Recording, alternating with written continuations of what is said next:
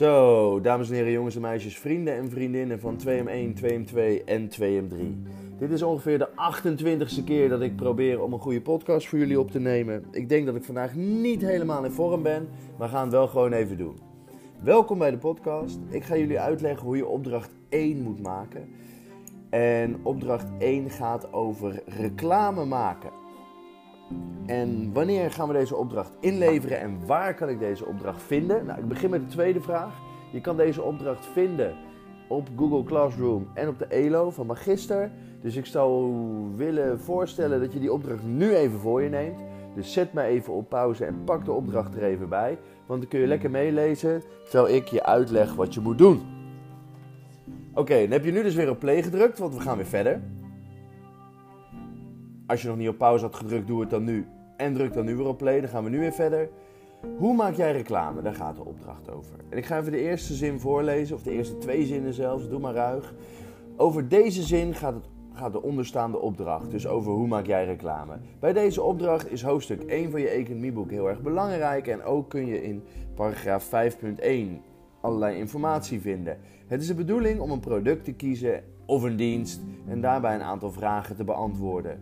Nou, dat zie je bij vraag 1 zie je staan. Kun je kiezen uit 1, 2, 3, 4, 5, 6, 7 verschillende producten of diensten. Van een mobiele telefoon tot de zomervakantie naar Zeeland tot de mooiste sneakers die jij ooit kan voorstellen. En dan ga je beantwoorden bij vraag 2: waarom heb je voor dit product gekozen? Geef drie goede redenen. Dan ga je kijken bij vraag 3, wat zijn nou de eigenschappen van het product? En waar moet je dan aan denken? Is het duur? Is het goedkoop?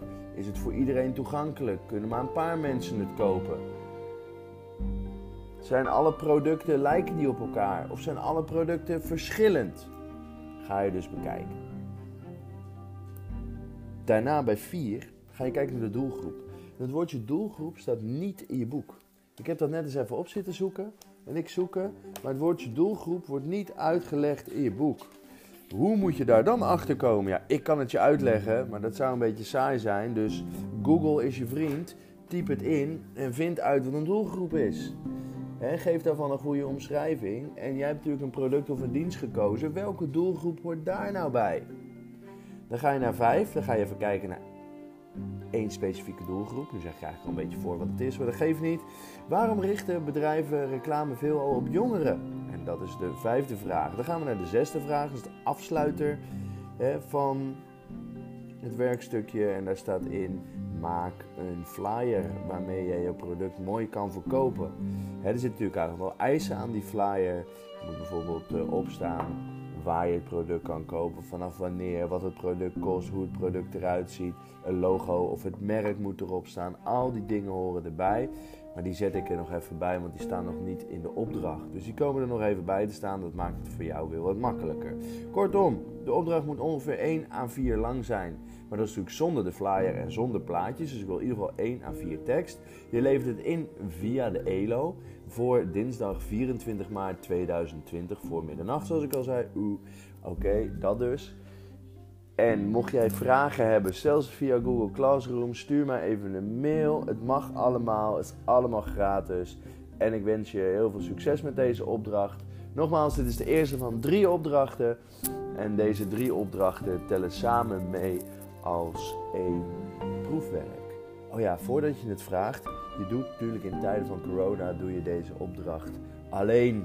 Het is een individuele opdracht. Je moet het zelf doen. En denk erom, zoals jullie misschien al weten nog van Nederlands 2M1.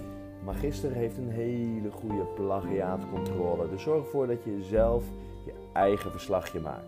Nou, tot, uh, tot de volgende ronde. Volgende week weer een podcast met daarin de uitleg van de tweede opdracht. De toeter.